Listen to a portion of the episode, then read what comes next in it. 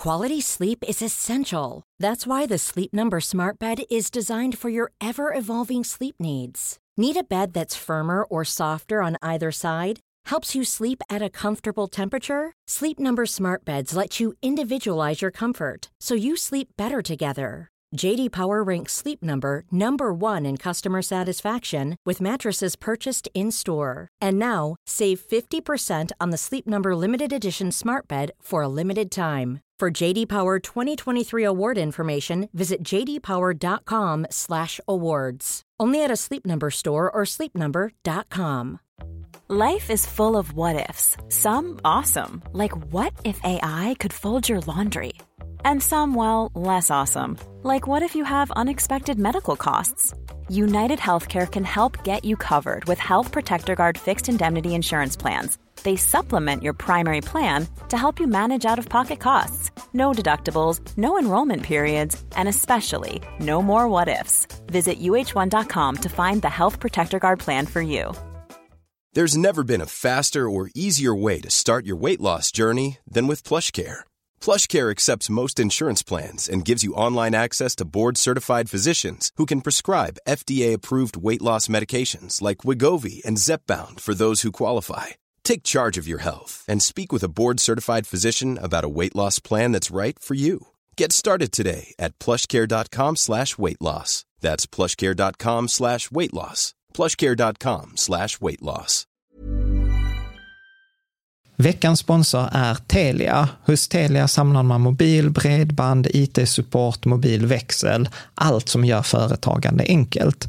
Och det är just det här att samla allt på ett ställe, att ha någon att vända sig till när det inte fungerar, det är Telia. Ett exempel på vad som inte är Telia, det är ju som när jag lyckas boka förmötet för en poddinspelning med Finansinspektionen till efter själva inspelningstillfället. Eller när jag här, här året var liksom, fick för mig att jag skulle börja springa, så jag är liksom ute och springer taggad, träffar en kompis som säger så du Jan, på måndag ska jag springa ett lopp. Och jag känner så här, ja men det låter inspirerande, så jag käkar pasta, jag byter om, tar mig ner till Malmö stadion för att göra en efteranmälan, står där i kön och sen så när jag liksom anmäler mig så tittar de på mig och säger så här, du Jan, vårhuset är bara till för kvinnor. Och eh, det var, det var typisk en situation som inte är Telia. Oavsett, ett stort tack till Telia som sponsrar, gör Rika Tillsammans möjligt, men framför allt tack till dig som lyssnar, följer och eh, hänger med oss varje vecka.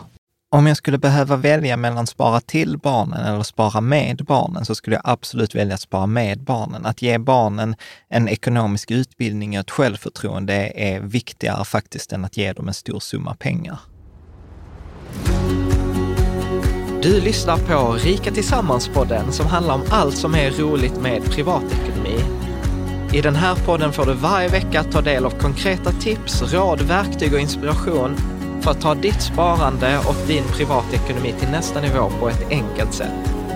Vi som gör den här podden heter Jan och Caroline Bolmesson.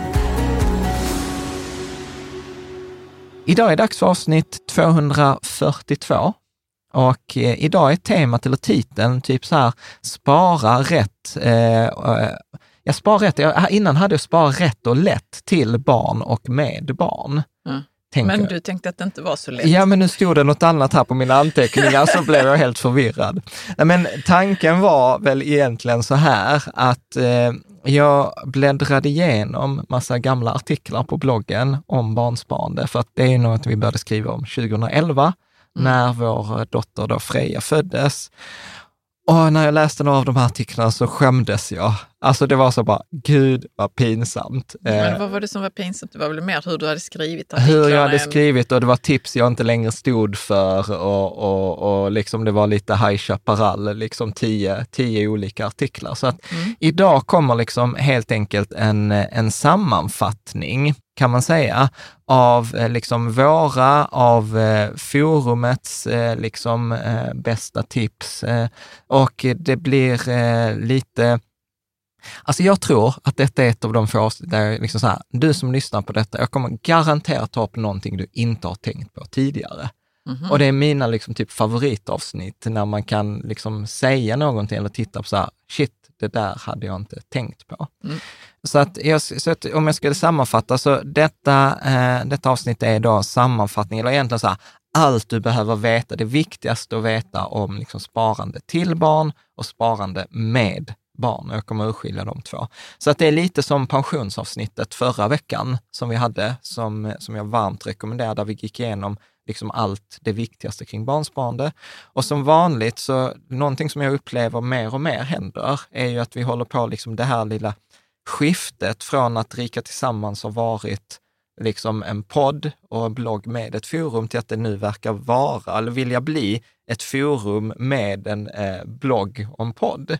Så att det är mycket liksom, sammanfattning från eh, liksom, forumet och liksom, folk, som, folk som har ställt frågor, skrivit, alltså folk har postat rapporter som jag inte visste. Läns, ja.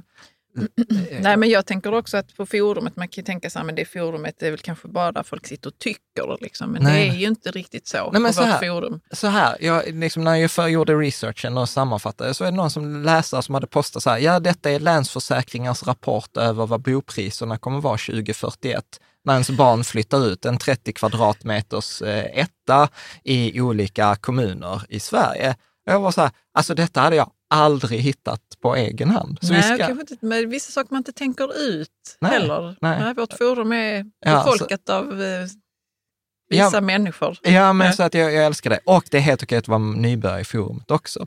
Mm. Så att detta blir då en sammanfattning av artiklar, tidiga artiklar. Jag har plockat bort alla de gamla jag artiklarna. Jag fråga, ligger de nej, kvar? Nej, nej. Det, det, är för pinsamt. Eh, så att jag har liksom länkat alla dem till den här artikeln. Så detta kommer vara the shit kring sparande till barn, barnbarn, etc.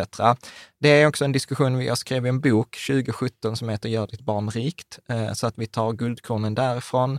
Och vi ska faktiskt gå igenom Bankföreningens faktablad om barns tillgångar. Yeah. Så liksom swedishbankers.se har gett ut typ, ja, men så här lång skrift om liksom barn och barns tillgångar. Så vi kommer att prata ganska mycket legalt idag, sånt som alltså så här, lite pinsamt säga jag inte hade koll på. Mm. Mm. Liksom.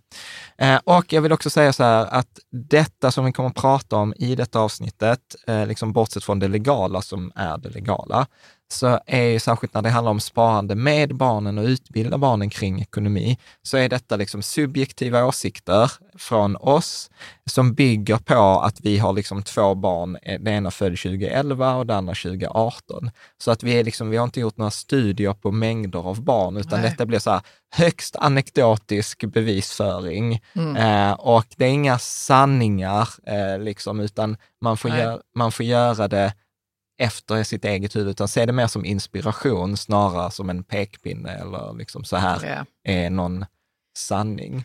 Vad tänker du? Du bara sitter och skrattar ja, nej, men Det är mig. absolut eh, högt, högst anekdotiskt och subjektivt. Och jag, kom, och jag som aldrig är klar i tanken, jag har inte ens fått tänka igenom detta, jag kommer säkert sitta här och babbla om någonting. Ja, du förhindrar mig när ja, det men, sker. Ja, men vi leker. Men, mm. och, och det kommer också bli väldigt så konkreta tips eh, och liksom saker eh, liksom, som förhoppningsvis du inte liksom visste. Mm. Eh, och eftersom vi kommer att prata lite om sparande eh, och sånt så är det viktigt att säga det vanliga, liksom det juridiska, att liksom historisk avkastning är inte en garanti för framtida avkastning, särskilt när vi kommer att prata om sparande till barn. Eh, investeringar kan öka och minska i värde och i värsta fall kan man förlora hela sitt kapital. Och eh, sen att detta är inte liksom personlig finansiell rådgivning, utan på, I forumet har vi en lista med finansiella rådgivare som vi rekommenderar om man vill ha liksom den personliga eh, hjälpen. Och sen är det också så att vi har sammanställt den här informationen från Swedish Bankers, från Länsförsäkringar, från forumet, så att vi känner att källorna är trovärdiga, men liksom kan inte garantera det, utan man får kolla på källorna själv. Och sen tror jag att vi pratar om Lysa, Avanza och Nordnet och typ Opti. Och det är mm. liksom, som vanligt har vi liksom sponsrade länkar till dem. Så vill man stödja oss och använda dem så kan man liksom göra det eller så bara går man via Google. Mm. Och eh, ja, fullständiga villkor på Riket Sammans eh, liksom villkor. Liksom. Och, Ja, förlåt. Nej, det är inget liksom. Riket snedstreck villkor. Och här också, när vi går in på de legala bitarna, så är detta, jag är inte jurist, det är vår tolkning av lagtexten.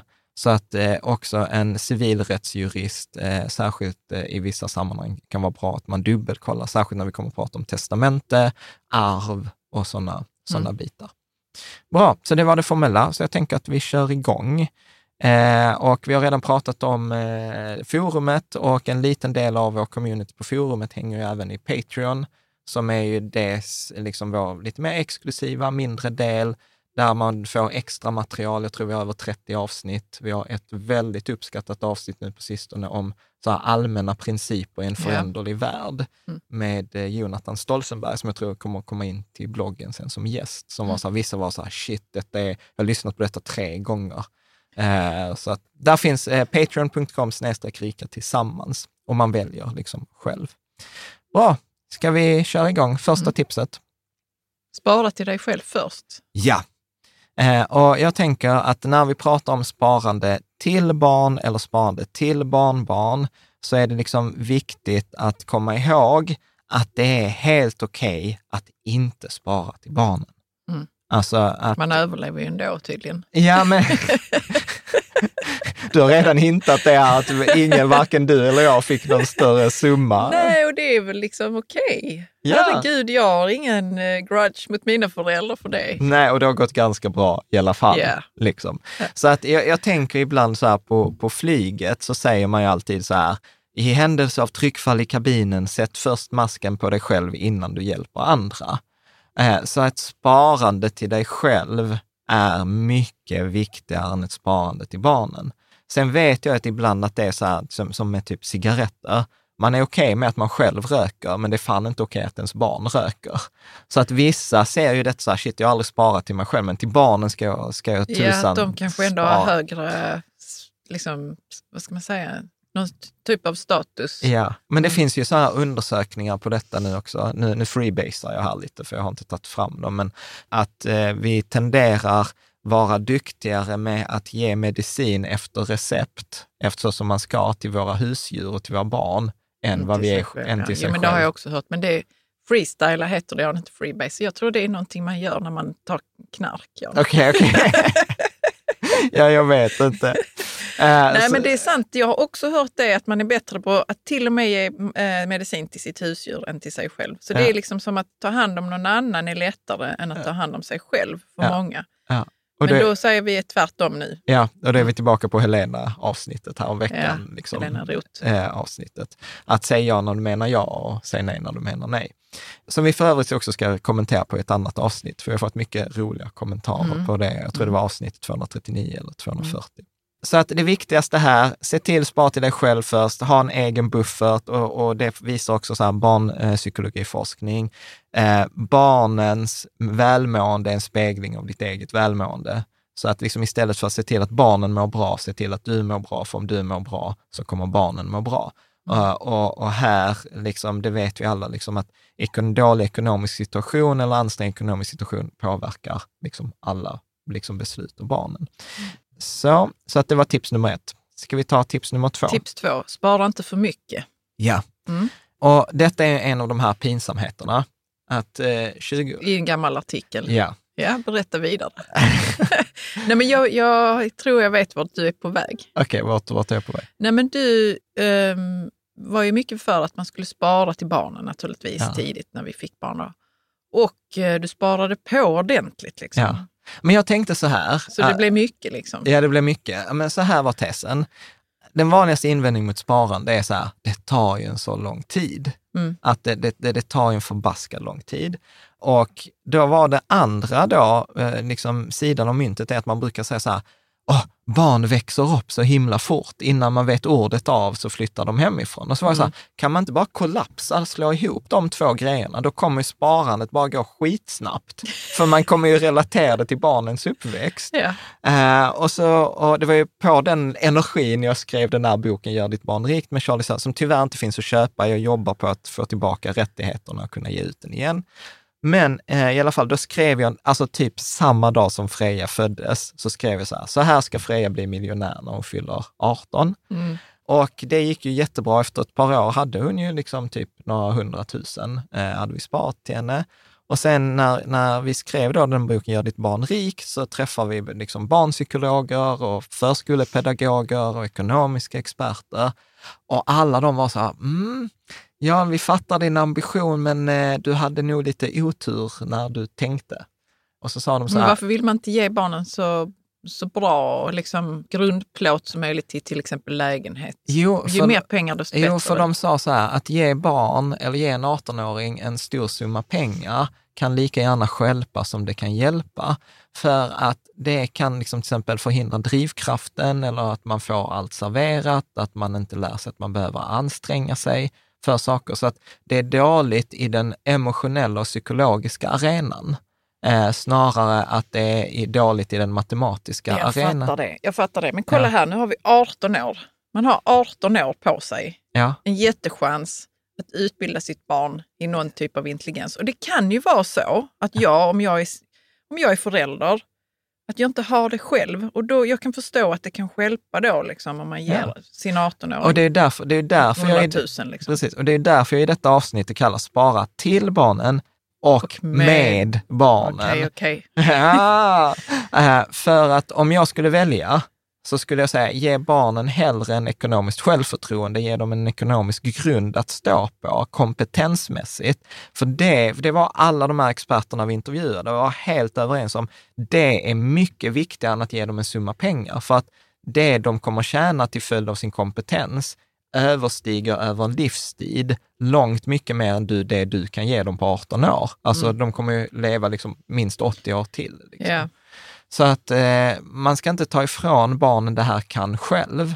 Och där är också en fråga som de ställde, den ena psykologen sa till mig, så här, men Jan, vänd på frågan.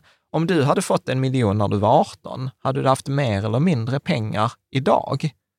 Och, och, och jag tror handen på hjärtat, jag hade nog haft mindre. Jag hade också haft mindre. Ja. Mm. Liksom, idag, ja, hade jag fått den som 40 år, ja men idag har jag ju liksom växt med Ja. mina pengar och, och liksom, Ja. för, för det är ju det det handlar om, tror jag, att växa i takt med sina pengar. För det blir också ett problem, det har vi pratat med i avsnitt med Moa Dieselbarn, när folk får sån här typ en engångssumma, ett stort arv eller eh, eh, liksom ett försäkringsutbetalning eller så. Att, att är man inte van vid beloppen så kan det ställa till en stor emotionell stress. Mm. Liksom så att eh, det är inte så bara, shit, om jag bara fick 10 miljoner, då hade mitt liv varit bra.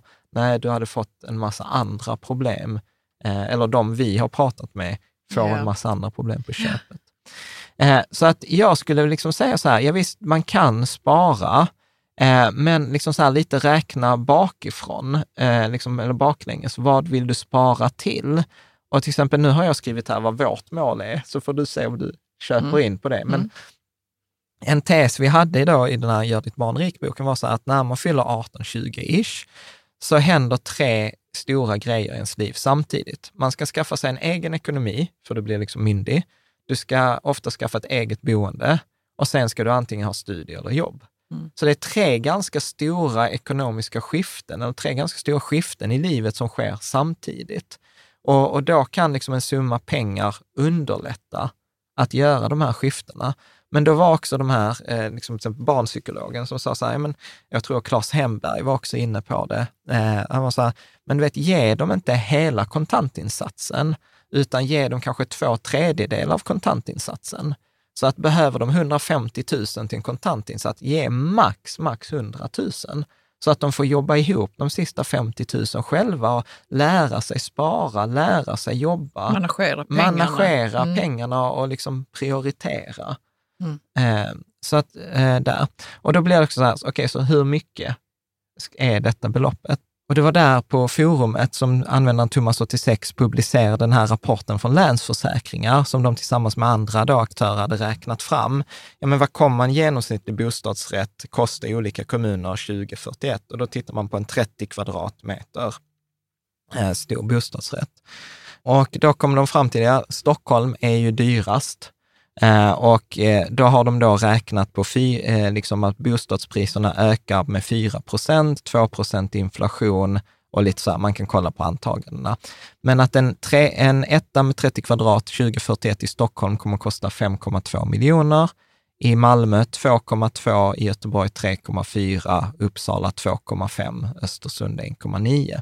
Vi har detta på bloggen, man kan gå in då på riktsammans.se barnsparande eller bara klicka på länken i beskrivningen så kan man eh, få den här tabellen. Så det innebär ju då att en kontantinsats i Stockholm kommer behöva ligga på typ 800 000 om man skulle ge hela i Göteborg 500 000, i Malmö 300 000, i Uppsala 400 000 och i Östersund 300 000. Och tittar man då hur mycket behöver man spara per månad om man sparar i en 18-årsperiod, då går alla förutom Stockholm går att spara på barnbidraget. Ja. Sen, sen ska man ju komma ihåg att alla har inte möjligheten att spara barnbidraget och detta är väl liksom, behöver inte gå in på det politiska, men jag kan ju ibland tycka att detta är lite synd, att vi har en så icke-fungerande bostadsmarknad. Att, du vet, vi skrattar ibland åt, åt folk i USA, att de ska spara till college för att barnen ska kunna få sig en utbildning. Ja, i Sverige behöver vi inte spara till utbildning, men vi behöver liksom spara till barnen för att de ska kunna flytta hemifrån. Mm. Uh, så att uh, det, där är liksom en ojämlikhetsaspekt här som inte är att förringa, men jag tänker att den är, den är för, ett annat, uh, för ett annat avsnitt. Bra, för att så här, det var inte det som var syftet med barnbidraget från staten, att Nej. du ska lägga undan det för att spara Nej, till det var en det väl inte att man bostadsrätt. skulle kunna använda det ju. Ja. Mm. Eh, precis. Så att där, eh, så att jag, jag skulle väl säga någonstans eh, där runt 250 000 ish är väl ett mål på 18 års sikt. Och det kan låta som sjukt mycket pengar, men vi kommer komma till det sen. Det är inte du som ska behöva jobba ihop pengar, vi ska ju ha ränta på ränta i en ganska lång tidsperiod, om faktiskt 18 år. Så att det är liksom, man kommer få ganska mycket skjuts och jag kommer visa lite tabeller sen. Eh, och då börjar vi prata om det här, okej, så sparande till barnen. Och eh, det var en av de artiklarna jag skrev för många år sedan, var, som jag fick också lite så, ja det var kanske inte så smart, men jag skrev en så här, att eh, det är ekonomisk barnmisshandel att spara långsiktigt till barn på ett bankkonto. Ja, jag vet, du skrev det. Eh, Vad tänker du om det nu då? Ja, jag hade nog inte uttryckt mig så, men, eh, men så är jag ändå så här, jag gillar ändå liksom det, man hajar till. Liksom. Ja, man hajar till. Eh, Du och- hade starka åsikter förr i tiden. Ja, men jag har väl blivit eh, klokare och liksom insett att jag sitter väl inte på sanningen och att jag Nej. gör ganska mycket. Eh, det är väl så här, jag har passerat Mount Stupid, som vi har pratat om. Säg inte det! jag tänker att jag är där hela tiden med saker. Ja, för det som är så här, vad pratar om? Det är så här Dunning-Kruger, Dunning-Kruger-effekten är så här, att när man inte kan någonting så uttalar man sig inte och sen lär man sig lite och då kan man allt. Och då De står har liksom man... klättrat upp på Mount Stupid och tänker att man, men man vet inte att man är på Mount Stupid. Nej. Nej. Äh, Men man tänker att man har koll på läget. Ja, och jag har väl inte haft koll på läget, men alltså nu inser jag så här, det är ett ganska komplext ämne. Eh, Ja. Och liksom det, det, så här, svaret är nästan alltid, det beror på. Mm. Men, eh, men om man ska förenkla det, det var faktiskt Jonathan som sa också så här att hans mentor hade sagt till honom, lita inte på en person som inte kan ta ett ämne och göra det mer komplext eller förenkla det baserat på vad som behövs. Och jag har ju lärt mig att många av de ämnen vi pratar om går att göra jättekomplexa och de går också att förenkla väldigt mycket. Det sa han lita inte på. Ja. Det är Vadå så jättekul. Vadå då? Jag har träffat hur många människor som helst som inte kan förenkla sitt ämne. Ja. Och jag litar för sig på dem, Ja. men jag ville hjälpa dem att förenkla. Ja. Ja. Man kan säga så naturligtvis. Ja. Lita inte på dem. ja, men det är lite, det, det är lite tufft, men eh, ändå. Ja, det är tufft. Men, men eh, tänkvärt. Men då i alla fall, om man vill se, liksom så här, förenkla det, vad är svaret? på Varför, varför, har, varför skrev jag så då? För att liksom, den underliggande poängen är Mm. valid. Mm. Och den är så här att om du tittar på en genomsnittlig 20-åring, alltså att vi tar att du ger en hundralapp i doppresent, eh, vad är den då värd 20 år senare när de har gått ut gymnasiet? Ja. Liksom? Och, och i genomsnitt så förlorar en hundralapp ungefär 20 procent av sitt värde under den perioden. Och ibland så hör man så här mor och farföräldrar som inte vill investera pengar på, i aktier för att oh, man kan förlora. Och så sätter de pengarna på ett bankkonto och har garanterad förlust på 20 procent till följd av det som kallas för inflation. Och här har jag, liksom för dig som bara lyssnar, så tog vi en bild på Ekonomifakta som är en sajt på nätet. Man kan googla Ekonomifakta, räkna, räkna på inflation och så fyller man i så här, 100 kronor 2001, vad är de värda 2021? Och då är det 78 kronor. Så för någon som föddes 20, 20, 2001, fick en hundralapp i doppresent, så är den värd 78 kronor i december liksom förra året. Alltså det, jag tycker det tåls att höras för att det är ju så många människor som har mycket pengar på sina bankkonton. Ja. För att man är, vet inte hur man ska investera, man är rädd för Ja. det och sådär. Ja. Mm. Och detta är för långa tidsperioder, Mm. alltså när vi har den här inflationen om, om 2% om året.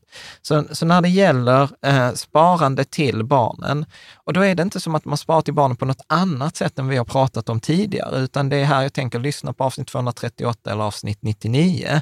Det är liksom, tesen är samma, alltså köp hela höstacken, skit i att försöka leta efter nålar. Men vänta, Jan, det kan vara så att man inte vet vad höstacken Ja, men det är på väg in Okej, det. vad bra. att, att man ska investera då i alla bolag, i alla länder, i alla branscher, i alla storlekar. Och man ska göra det så billigt, så regelbundet och så långsiktigt som möjligt. Och översatt till konkret, ja men då är det det vi pratar om då i avsnitt 238 eller 99, en global billig indexfond eller en fondrobot. Vi gillar liksom Lysa, eh, då som är en fondrobot, eller Opti. Opti är mer app, så då kan man gå in i App Store eh, och så söka på Opti eller lysa.se. Ni får gärna använda vår sponsrade länk. Jag tänker inte prata mer om det här, utan vi har avsnitt 99 eller 238 om man vill fördjupa sig. Varför är det bra? Varför är det bättre än att hålla på själv? Men det är jättebra. Men du, du skrev tips tre här, sparande till barnen. Och nu Ja. har du pratat om det då. Ja, Att inte spara bara på bankkonto och Ja. eh, ja, men, enligt tidigare nämnt i 238 och 99. ja, precis. Så nu är vi inne på hur sparar man till barnen? Ja, Ja. men du sparar till barnen precis som du sparar till dig själv på pension eller precis som Mm. du sparar eh, liksom till andra Mm. heller. Eh, och eh, då är det ju eh, där eh, också att tänka på, som vi pratade i avsnitt 238 om tidshorisonterna, att en kort tidshorisont är 0 till 2 år. Då ska man inte investera i en fondrobot eller eh, aktier, utan då är det bankkonto. Sen har vi de långa tidshorisonterna, alltså som är över 10 år. Att, ja, men jag börjar spara när barnet är 3 och vi ska spara till 18-årsdagen. Då är det ju mer, mer än 10 års sparhorisont. Då är det liksom 100 procent då aktier, alltså aktieindexfonden. Och sen är det liksom den där perioden mittemellan. Så här, jag vet inte om det är tre år eller fem år eller tio år. Ja, då brukar vi säga så här 50 procent aktier, 50 procent bankkonto, så har man någon balans. Men det som är klurigt med detta är att om du tar en 15-åring, då kan man argumentera för att tre år är en rimlig sparhorisont, att de ska få pengarna när 18. Men man kan också argumentera för att 10 år är en rimlig sparhorisont, att de får pengar när de är 25 eller 23. Ja. Är med? Så, Ja. att, så att sparhorisonten för en ungdom eller för ett barn är mindre viktig än vad den är för en pensionär. Och, och, och min poäng lyder så här att till exempel om jag säger så här, jag ska använda pengarna om tre, om, om tre år. Är ni med? Och börsen eh, kraschar och jag har haft full aktieexponering, så kan det för någon som är 65 innebära så här, nej, tråkigt, du kan inte gå i pension, du får jobba tre år till för en, för en 15-åring eller för en 18-åring så bara, ja, börsen kraschade, sorry, du kan inte eh, liksom flytta hemifrån förrän om tre år. Alltså för en 18-åring, den relativa besvikelsen av de där, eller betydelsen av de där åren mellan 18 och 21, påstår jag är objektivt sett mindre än för en 65 till 68-åring. Ja, ja, och det kan ju vara så att man till och med tar tag i det själv och bara Ja, jobbar häcken av sig för att kunna flytta hemifrån. Ja. Så kan det ju vara. ja. Så, Ja. så, så att liksom sparhorisonterna är lite, lite, man har lite mer flexibilitet. För så har man så här, ja, 18, sorry, det var ett kastbörs och du får vänta ett år till. Även om 18 år kanske tycker, bara, "Ah, ett år är aslänge, så vi som är lite äldre, vi vet, not so much. Men du, jag tänkte på det faktiskt, bara en, en tanke nu med sparhorisont och varför man har pengarna på bankkonto. Är det inte som du sa för några avsnitt sedan att man vet inte när man behöver pengarna, så då är det bättre, tycker man, att man har dem på bankkontot. Alltså, jag tänker inte bara med barnspar nu. Jo, för jag men- blir så fascinerad eh, av att, att man har pengar. Alltså, svensken har så mycket pengar på Mm. bankkontot. Men det är- men handlar det- nog om att, man, att det är massa faktorer. En kan ju vara, jag vet inte när jag behöver nej, pengarna. nej. Nej. 60 procent av svenska befolkningen har inte ett ISK-konto. Alltså så här, det, det handlar om okunskap och Mm. rädsla för börsen, skulle jag Ja, säga, bra. att man inte Mm. kan. Det är Snarare inte bra, än att eh, man bara, åh, jag kan investera i en fondrobot, jag kan det, men jag skiter i det, har pengarna på ett bankkonto. Nej, Nej, jag tror nej, inte det. naturligtvis. Yes, eh, och, och sen så har jag också lagt här i artikeln vår basportfölj, om man inte vill köra en fondrobot utan man vill ha fonder, att mor eller farföräldrar vill säga, nej men vi vill köpa fonder. Ja men vilka fonder kan man då köpa och liksom fördelningen på dem. Men det är basportföljen, det är inget nytt, det är samma basportfölj vi hade 2021, det är det vi pratar om i avsnitt. Hur hittar man den då? Ja men bara tryck på länken i beskrivningen. Liksom. I, inne på bloggavsnittet som tillhör Detta det här avsnittet. Ja, precis. Eh, bra, så att det var tips nummer tre. Nu ska vi gå in på tips nummer fyra, men Mm. vi ska ha lite, lite historia Mm. och lite liksom bygga upp eh, inför det. Så att du kan ju läsa rubriken här på min slide. Eh, För min förmynderiutredningen 1988. Ja, så vi ska tillbaka 1988 och då var det så att man tog fram en så här utredning och sen blev det en proposition i riksdagen som var så här 1993 94 kolon 251. Och då tittade man på då sparande till barn och barns, liksom när barn fick eh, en tillgångsmassa. Och då upptäckte man två stycken problem. Och det ena är att du kan läsa vad man upptäckte som problem. Ja. Föräldrar som i och för sig vill sina barns bästa men saknar erfarenhet och kunskap för att kunna förvalta barnens egendom, i vart fall avseende mer omfattande egendom och egendom som kräver aktiv bevakning Mm. och föräldrar som kan ha ett intresse av att använda sina barns tillgångar på ett otillbörligt sätt. Det var de två problemsituationerna. Ja, så man insåg att man behöver skydda barnen från Mm. de här två Mm. situationerna, att barnen vill si- sin barns, eh, Föräldrarna föräldrarna vill vill sin- ba- barnens bästa, men har inte kunskap eller erfarenhet, eller föräldrar som liksom vill använda barnens pengar för sin egen räkning. Ja. Liksom. Eh, och detta såg man liksom som, som problem. Och då gjorde man ett tillägg i, liksom, man pratade liksom, hur ska detta gå till? Var hittar man liksom en bra kompromiss? Och då eh, skrev man till i föräldrabalken, eh, då, som är då Statens församlingssamling, SFS, 1949 381, så skrev man in följande. Då får du Mm. läsa andra paragrafen. Andra paragrafen. När värdet på en omyndigs tillgångar som ska förvaltas av föräldrarna genom arv, gåva, värdestegring eller på något annat sätt har kommit att överstiga åtta gånger gällande prisbasbelopp enligt andra kapitel 6 och 7 sjunde paragrafen socialförsäkringsbalken, så ska så följande tillämpas bestämmelserna i, vad fan Para- paragraf 3 till 7 i, för, för, För förvaltningen. Och eh, läs paragraf 3. Ja, inom en månad efter det att värdet på en omyndigs tillgångar överstigit det belopp som anges i andra paragrafen första stycket ska föräldrarna ge en, in en förteckning över den omyndiges egendom till överförmyndaren. Yes, Vem är överförmyndaren? detta är ju spännande. Så att, vad, vad betyder detta på svenska? Ja, vänta lite, jag ska bara... Fan, det är sån här uh, juridik-svenska väl? Ja, du kan läsa det tredje stycket också. Ja, tredje stycket läser jag nu. Har egendom tillfallit en omyndig med villkor om särskild överförmyndarkontroll enligt andra paragrafen, andra stycket, ska föräldrarna ge in en förteckning över egendomen till överförmyndaren inom en månad därefter. Yes. Så att någon annan ska ha veta yes. och så, ha kontroll över, eller? Ja, Barnets pengar. ja, Så det är inte föräldrarna, nej. nej, nej. Och det är ju för barnets bästa. ja. Ja. Så att, eh, så att och, Och vem, är överförmyndaren? ja, det har varje kommun. Ja, okej. har en överförmyndare. Så det betyder att om ditt barns tillgångar är över åtta prisbasbelopp, det vill säga 384 000 omräknat till 2022, så ska detta anmälas till kommunens överförmyndare. Mm. Och det tror jag så här, ganska många som inte känner till.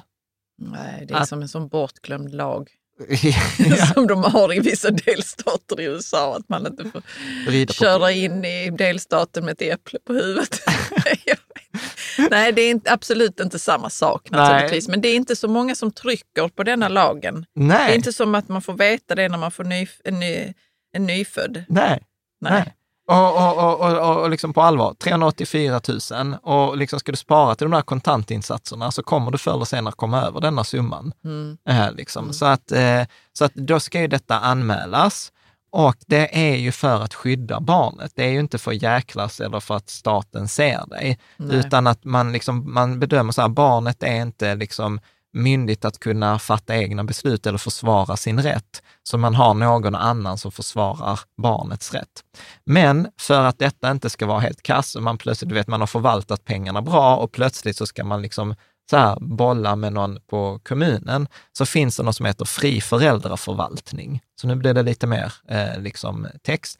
Eh, och detta, detta har jag då saxat, tror jag, från konsumenterna.se. Eh, eh och eh, jättebra sajt just när det gäller de här grejerna. Då säger de så här, att för, föräldrarna ska förvalta tillgångarna på ett omsorgsfullt sätt och agera på det sätt som bäst gagnar barnet. Och pengarna ska placeras säkert och ge en skälig avkastning. Och det innebär att de ska förvaltas försiktigt med betoning på trygghet. Mm. Så att lagstiftningen säger så här, att det ska vara en skälig avkastning och de ska förvaltas försiktigt med betoning på trygghet. Eh, och sen att tillgångarna får i en skälig omfattning användas då för barnets uppehälle, utbildning och nytta i övrigt.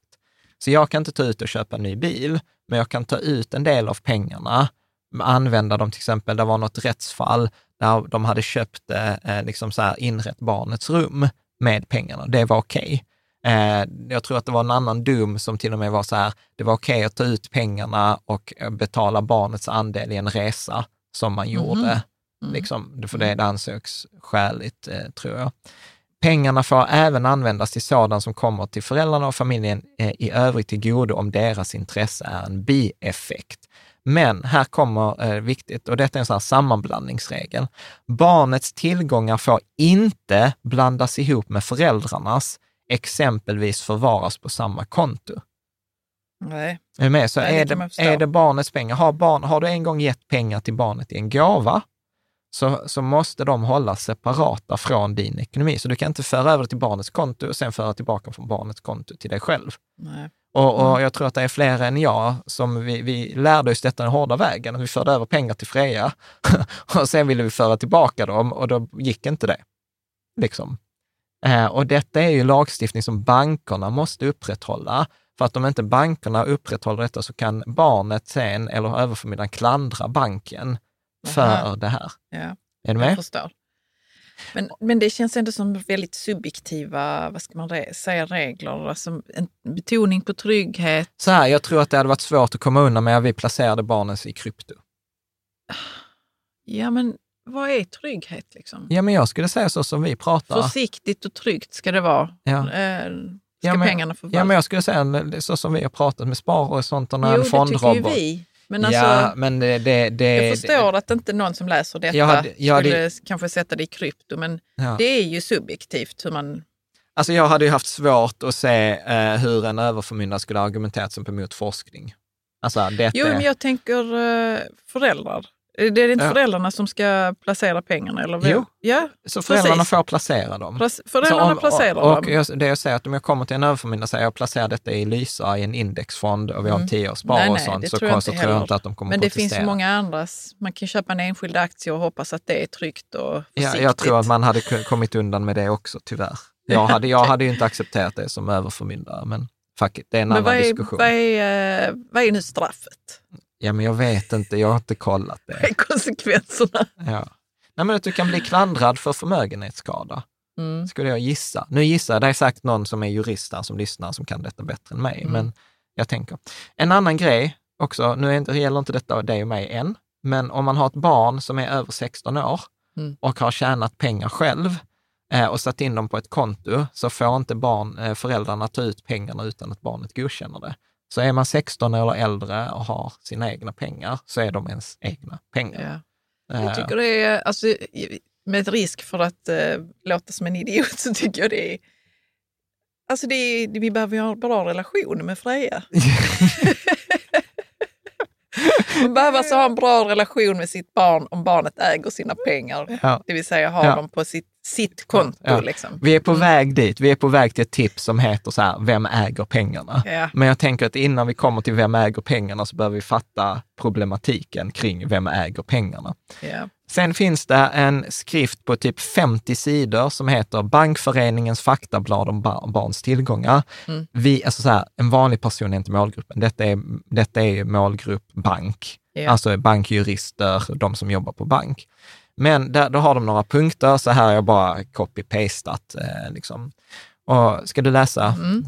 En omyndig får, oavsett ålder, också råda över medel som den omyndiga har fått i gåva med villkor om fri dispositionsrätt. Ja. Så har man gett en gåva med fri dispositionsrätt, då, eh, då får barnet bestämma självt. Mm. Ja.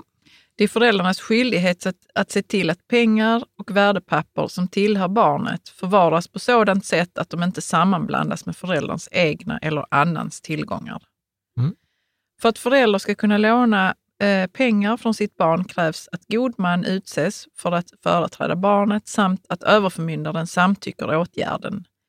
Detta gäller även tillfälliga handlån och oavsett beloppets storlek.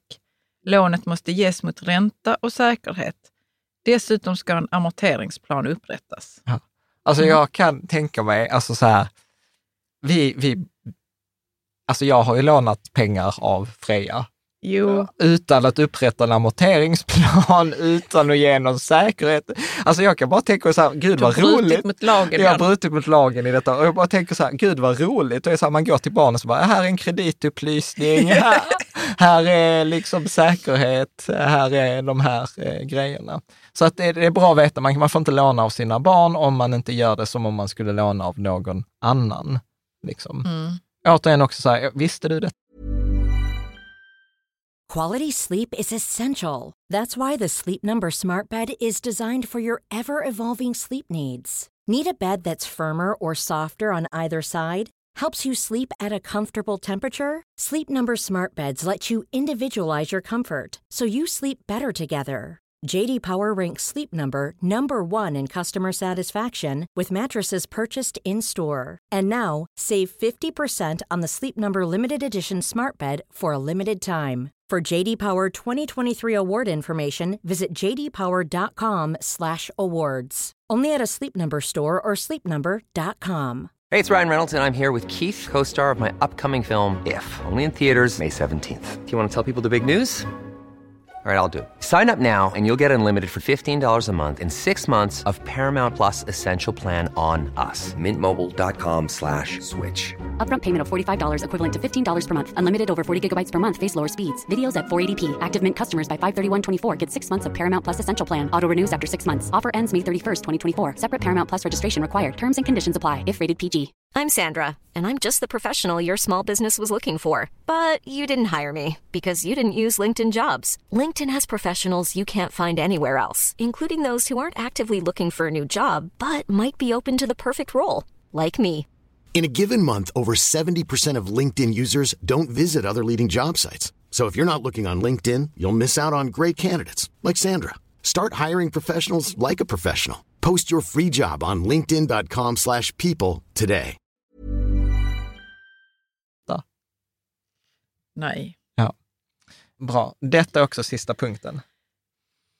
Det är inte möjligt för föräldrarna att inför barnets 18-årsdag utföra transaktioner i syfte att hindra barnet från sina möjligheter att därefter disponera sina egna pengar. De beskrivna reglerna om förbud att blanda ihop barnets pengar med sina egna, förbudet att ge bort barnets tillgångar samt regle- reglerna om jäv och utlåning gäller även i dessa fall. Ja.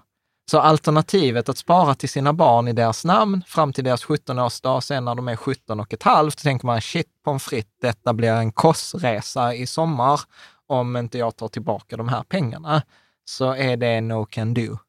Eh, Jag fattar det, men alltså det som, som stiger upp för mig här och som du säkert kommer att opponera dig emot, men varför, varför tror man att barnet ska åka till Kos eller fästa upp pengarna? Så man måste ha en bra relation med sina barn. Tillit och att man pratar med varandra och så. Alltså Ja. jag fattar, alltså har du ett barn som åker till Kos och fäster upp sina 18-årspengar så har du andra problem.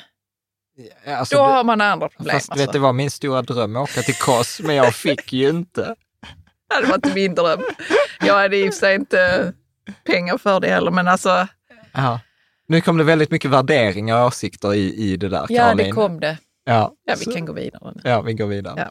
Men så att detta är bra att veta, Mm. tänker jag. Att det, det är så, man, man vet nog inte, de flesta vet nog inte det. Vill Nej. man nörda mer så är det då bank, eh, då heter skriften Bankfrågor för ställföreträdare för barn och vuxna, publicerad 2020, tror jag, utgåva 4. Finns länk eller så googlar man. Ganska spännande så här om man inte har något att göra en, en eh, tisdagkväll. Bra. Då, Tips fyra nu då. Ja, och nu kommer vi då till tips fyra då. Mm. I vems namn ska du spara i? Sparar du i barnets namn, alltså att du har ett ISK i barnets namn eller ett konto i barnets namn, så anses det vara en gåva och har du gett en gåva får du inte ta tillbaka den. Du får inte blanda samman det med dina pengar. Du, får liksom, du har inget att säga till om från 18-årsdagen. Blir det en summa över åtta prisbasbelopp så måste du anmäla det till överförmyndar, eh, regeringen, överförmyndaren på, på kommunen. Men å andra sidan, det är ingen risk vid skilsmässa, det är ingen risk vid bodelning eller vid dödsfall eller något, utan det är barnets pengar, liksom, på, på riktigt.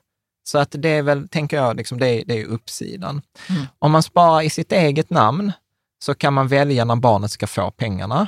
Man, men man tar en risk vid skilsmässa. Eftersom då, till exempel om du och jag skulle skilja oss, om pengarna är på Frejas ISK-konto, ja då är pengarna på hennes, ja. ja. De ingår inte i vår bodelning. Är de i ditt namn, ja då ska jag ha hälften eller vice versa, eller vi ska förhandla om dem. Mm. Eh, eh, eller vid dödsfall, eh, så till exempel, då blir det också att då, om jag dör och vi, vi har sparat i mitt namn till Freja, så har inte Freja någon dispositionsrätt för att du har, som min maka, fri förvaltningsrätt på hela mitt arv. Mm. Givet att jag inte har särkullbarn, men det har jag inte vad jag Nej. vet om. Så, Vad? det är så gubbigt. Okej. Jag har varit ute och jag Mm. vet inte, jag har nog inga barn, men man vet Ja, aldrig. okej då, vi klipper bort det. Nej, jag har inte heller några barn, vad jag vet. Eh, ja. Ja. En variant här är då att ha en kapitalförsäkring som man har i sitt namn, men barnen som förmånstagare. Och där går det ofta att ha bra att ha flera barn. Så att om jag dör så går de pengarna direkt till barnet utan att gå till dig. Mm. Men så att det, är- det är en, liksom en mellanvariant. Så därför brukar man ofta, vi som liksom så här, eh, liksom tycker sparande är nördigt, brukar ofta rekommendera en kapitalförsäkring med barnen som förmånstagare. Och det är ingen annan anledning än att du äger pengarna i ditt namn, men om du dör så går pengarna iväg eh, till barnen utan att de hamnar i bo, eh, dödsboet. Eh, så det kan vara en variant. Och jag tror att vi själva gör en kombination. Vi har sparande i barnens namn, vi har sparande i vårt namn och en kapitalförsäkring. Ja, Ja, lite all over the place. ja, men det är lite så. Men vi har ändå hyfsat. Borde städa upp det. Liksom. Mm. Bra. Jag har ju tänkt på det ibland. Alltså så här, nu har vi ju liksom så här, Freja tycker ju att eh, liksom, vi är typ de tråkigaste YouTube-kanalen på internet. På Youtube, ja. Ja, hon älskar YouTube och ni är så här, jag, jag försökte titta på er, ni var skittråkiga.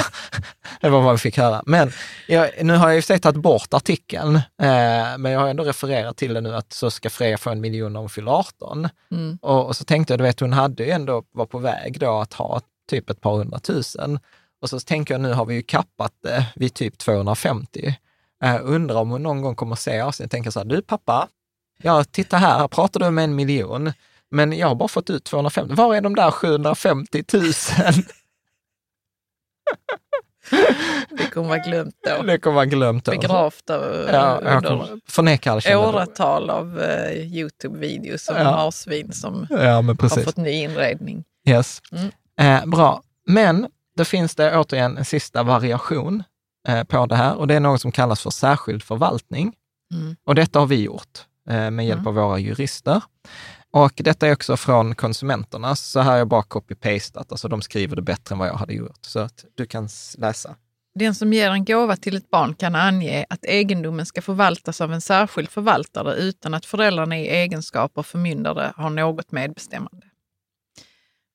Ett sådant villkor om särskild förvaltare kan också skrivas in i testamente i ett förmån, förmånstagarförordnande, i en försäkring eller ett individuellt eh, pensionssparande. I villkoret kan givaren föreskriva att egendomen ska förvaltas av förvaltaren längre än till barnets 18-årsdag. Ja, Mm. och detta är viktigt. För att så som vi har skrivit i vårt testamente, och vårt testamente ligger, för, jag vet inte om jag har sagt det till dig, men jag har faktiskt lagt ut det i forumet. Eh, Varför har du lagt ut det där utan att säga det till mig? nej, men, Jag har inte sett det. nej, men alltså så, jag tog ju bort personnummer Ja, jo, men jo, jag har sett det. Ja, Jag har sett. Jag tänkte att du hade lagt ut någonting mer. Ja, nej, men jag Nej. var så här så att man kunde använda denna formuleringen Ja. för särskild förvaltning. Mm. För vi var så här, alltså om jag dör, eller om du dör, så ärver vi varandra. Eller nej, korrekt. Barnen ärver, men make eller maka har, förval- har liksom fri förvaltningsrätt. Eh, liksom. Men så tänkte jag så här, shit, om liksom osannolika, eller så här, du och jag dör samtidigt, så är det ju liksom en ganska stor tillgångsmassa som ska gå till barnen. Och då får ju de den när de fyller 18. Och då var jag så här, mm, det är kanske inte så smart. Så att då har vi skrivit in att de får 30 procent när de fyller 18, 30 procent när de fyller 21 och 30 procent när de fyller 25. Och eh, med undantag om de behöver köpa boende, då får man plocka upp ut en större del. Och sen har vi utsett två av våra kompisar som sådana här särskilda förvaltare. Och så har vi sagt så att pengarna ska förvaltas på Lysa. Eh, liksom. Så det har vi uttryckligen skrivit i vårt eh, liksom, testamente. Så att eh, du kan läsa det de skriver till också, för att det var liksom formalia krav. Men där finns ett exempel på forumet på detta. Det ska framgå av gåvobrevet eller motsvarande vem som ska vara förvaltare. En särskild förvaltare kan vara en släkting eller någon annan privatperson eller ett företag, exempelvis en bank. Förvaltaren ska lämna en årlig redogörelse till barnets förmyndare, det vill säga oftast föräldrarna. Till skillnad från en god man eller förvaltare står en särskild förvaltare inte under överförmyndarens kontroll. Så att detta är en sån här bra sak att veta. Mm. Ja. Hur känns det? Nu är vi klara med det legala. Nu ska vi prata om sparande med barnen och inte det, till bra, det känns skönt. Nu Ja. kör vi på det. Ja. Men känns det förståeligt? För jag är så här mån att detta är ganska... Det känns förståeligt. Det känns också viktigt att veta det. Ja, det Mm. är lite så här, som jag tänkt så här, ja men detta har nog de flesta inte tänkt på. Nej. Men, men kan vara liksom så här obehaglig överraskning. Mm. Tips Bra. fem. Ja, och jag tror vi bara har sju tips. Så att det är Ja. inte så att det är 16 tips som kring pension. Tips fem. Spara med barnen. Vi har varit inne på det, att det är viktigare att spara eh, med barnen, att ge dem ett ekonomiskt självförtroende, ekonomiska muskler, än att spara en stor summa till dem. Och i, i Charlie, då min kompis när vi skrev boken Gör ditt barn rikt, han skrev ju så här, frågan är inte så mycket när är barnen redo att prata om ekonomi, utan när är jag som vuxen redo att prata om ekonomi med mina barn? Eh, och, och liksom tesen vi hade var så här, att liksom de flesta tioåringar spelar ju dataspel. Mm. Och i dataspel så är, tänker vi ofta inte på, men där är ganska komplexa ekonomier.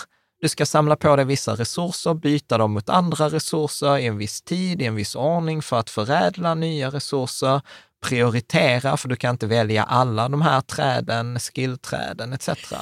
Ja, vad? Vad är det för spel du pratar om? Ja, men allt möjligt. Det är ju allt, svärd och sånt. Ja, men allt från Coins och- For, Fortnite till, Ja, jag ja. vet inte om man spelar Counter-Strike eller World of Warcraft, vad man spelar. Vad ungdomen Mm. spelar nu för tiden. Eh, nej, men så här, barn, barn är mycket duktigare än vad vi tror. Och kan man hantera en dataspelsekonomi så kan man hantera en veckopeng. Alltså Ja. det, det är inte så Mm. konstigt. Pratar man, jag lyssnade på Rational Reminder, eh, som pratade om, men också någon som hade skrivit en bok om sparande till barn. Och hon sa ju också så att barn eh, från fem års ålder är barn absolut mogna att prata om ekonomi. Sen pratar du kanske inte liksom styrränta och nationalekonomi med en femåring, utan det gäller naturligtvis att anpassa, anpassa mm. det till barnets eh, nivå. Och att leka. Och, och poängen som hon hade där, som jag gillade, Rachel Taub, tror jag hon hette, eller något sånt, också tips från forumet, någon som hade lagt upp det här avsnittet med Rational Reminder. Eh, ben Felix, tror jag att han heter. Eh, då är det så här, hon sa att varje gång ett barn ställer en fråga eller vill ha någonting, så är det ett potentiellt lärotillfälle. Som förälder så kommer man liksom misslyckas, man kommer tappa 99 av 100 lärotillfällen och man själv är Mm. inte alltid pigg på det. Men liksom, det är en krok som man kan hänga upp något på. Och, och liksom vår uppgift är liksom att, att leka med de här. Men Kan du inte peka på några lärotillfällen som du har både tappat och plockat upp med ja. till exempel Elsa eller Freja. Jo, men eh, till exempel, eh, nu har jag det lite i annan ordning i slidesen, men skitsamma. Eh, men då är det en, en, en grej som skavde för mig med Freja jättelänge. Det var ju så här att våra barn älskar ju Lekia eh, eh, och åka till Lekia och... Som är en leksaksaffär. Ja. Den finns uppåt landet. Nej, nej men precis. Eh, och, och då vill de ju ha massa grejer. Mm. Och, och jag var så här, jag vill inte åka till Lekia för jag blir en asshole. För jag sitter där bara nej, nej, nej, nej. Och sen, inte bara att jag säger nej, nej, nej, nej, dessutom började jag ljuga. För då var jag så här, vi har inte råd. Det och så har, var- och har så- du sagt en gång max till dem och sen Ja. bara... Och sen var bara så här, vilket bullshit, det är klart att vi har råd. Eh, och, om, om vi skulle ha, och då blev jag så här, okej, men vänta, varför ljuger jag för dem? Och, och så kände jag att detta var skitjobbigt. Och det var en av grejerna vi tog upp där när vi skrev den här barn, Gör ditt barn rikt. Och, och då sa jag, jag minns inte vem det var som sa, men sa det så klokt, men sa de var så här, men vet du vad? Istället för att säga nej eller svara på frågan, barn är inte så clever, skicka in en motfråga och säg så här, men vad, vad spännande, berätta, varför vill du ha den här? Så duckar man lite den frågan, liksom i steg ett, att låt dem berätta, för ofta vill de ju bara berätta och uttrycka den här känslan. Liksom. Och sen nummer två, om de fortfarande vill ha det, så bara säga så här, Gud vad roligt att du vill ha det här. Jag vill jättegärna köpa detta till dig. Så låt oss liksom så här, skapa en plan eller skapa en lek så att du kan få lov att köpa detta. Liksom. Att man, att man liksom sätter sig på samma sida bordet. Att jag inte är liksom någon nätdummare som ska avgöra huruvida barnet får detta, ja eller nej, utan vi, är, vi spelar på samma lag. Att, eh, liksom så här, detta är liksom, målet här är att du ska kunna få det här. Och sen så ska vi göra en plan och den planen kan ju då inbegripa allt från, ja men då får du anstränga dig, du får jobba eller du får vänta till födelsedagen eller du får, ja men göra någonting. För plötsligt blir du liksom inte motståndaren till barnet, utan du blir liksom så här, liksom kan Det hålla hjälper. det som hjälper. Och, och jag tycker det är kul. Och sen så, Men har du gjort det då? Eller Ja, när ja. Elsa håller på och ska ha sju stycken klämmisar på ICA. ja.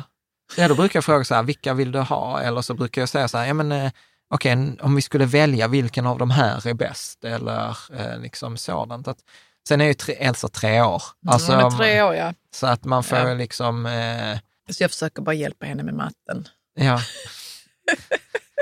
Jag tycker det är svårt med lärotillfällena. ja, ja. Nej, men alltså säger att, vi att vi räknar ihop hur mycket det blir. ja, Jag, jag, jag kan inte ens säga så här, vilken av de här vill du ha? ja, För att då är det också det här antingen eller, ja, som vi inte heller vill lära dem. nej. Så Nej, det, jag tycker det är lite klurigt är och jag vill gärna att vi kan återkomma till detta Ja. när vi har liksom Men det är det tänkt menar. lite mer. Ja, men det är det jag menar. Det är därför jag säger så att inget av det vi pratar om är en sanning. Nej. Och det går inte också. Det är klart att man som förälder måste sätta gränser ibland. Mm. Eh, Men jag menar så här, ja, men sätt gränser där du behöver sätta gränser. Men är detta ett tillfälle du inte behöver sätta en gräns, Mm. utan du kan spela ett spel med och säga, åh, låt oss göra detta tillsammans. Alltså vi har ju haft med Freja så här, ja men åk hem och så får du hjälpa till med de här grejerna och sen åker vi tillbaka till Lekia imorgon. Och ibland har det hänt och många gånger har det inte många hänt. gånger är det, glömmer hon Ja, ja. Det var inte så viktigt. Nej. Mm. Nej, och sen så tror jag också att allt också som då, jag kommer ihåg Susanna då, Frejas förskolepedagog, att hon sa många gånger att problemet som vi vuxna med våra barn är att vi inte har tid för dem. Att vi liksom, det ska gå fort, vi ska stressa, att vi har inte tid att vänta ut att de kan stänga jackan själv eller att ta på sig skorna eller att bara ta det utan, eh, utan att vi ska stressa. Och då är det ju ställa frågan så här, okej, så vad är pengar? Och vi hade ju så nu i söndag så fyllde ju Freja år och farmor var här. Och så hade hon gett då pengar till, till barnen. Ja, och det var ju så roligt för Elsa bara, pappa, titta, jag har fått biljetter. liksom. Titta i den lilla Forex-påsen och Ja. det såg ut som biljetter. ju. ja, så att för henne var det typ... Och, och din bror bara, ja det är biljetter som funkar i alla affärer. ja. Så att vi hade Bra uttryckt. Ja, vi tyckte att det var ganska, ganska roligt. Mm. Nej, men så, så det är ju ett sätt liksom att göra det. Ett annat som eh, vi har eh, snutt från Stefan Telenius, Eh, som också faktiskt tror jag jobbade, eller jobbar fortfarande på Konsumenternas, var månadens aktie. Och, och där är det ju så att vi, liksom, nu slarvar vi inte, vi gör det varje månad, men periodvis så får Freja välja en egen aktie Och syftet är att inte att tjäna pengar på aktierna, utan vi köper ofta bara en aktie. Men att göra det naturligt och ha ett samtal om att det finns kapitalplaceringar och Mm. aktier. Och vi började med aktier för att det var ganska enkelt att, okej, titta detta är H&M eller detta är ICA eller detta är Volvo-aktien. Du, för, du förklara det vad en aktie var för henne? Ja, att, eh, och jag kommer ihåg en gång när vi gick förbi H&M och så ställde hon frågan så här, pappa, betyder det att jag äger en liten del av liksom denna affären eller detta plagget? Och du vet, jag gjorde ju sån happy dance eh, nästan, för det var ju liksom, då, vet, då hade hon liksom åtta eller nio år gammal fattat vad en aktie var för någonting. Och, och syftet här är, vi gör ingen analys, vi läser liksom ingen teknisk eller fundamental analys. Återigen, syftet är inte att tjäna pengar, utan syftet Freja har ju valt liksom sånt som är i hennes värld. Ja, som hon tycker om. Ja, och där har ju varit dråpliga historier när hon liksom önskar sig så Google-aktien och ja, vi investerar ju väldigt sällan i enskilda aktier. Jag bara så här, ja men då köper vi Google-aktien och jag visste inte att den kostade 1000 dollar vid det Nej. tillfället. Amazon vill hon också ha. Amazon vill nog också, men kostar ju 3000 dollar eller vad det var. Eh, eller nej, tre, jo, 30, jag tror 30 000. Men det sjuka är också så här att hon har ju bara, förra året valde hon ju bara sådana typ Netflix, eh, Microsoft, eh, Blizzard eh, eller Activision.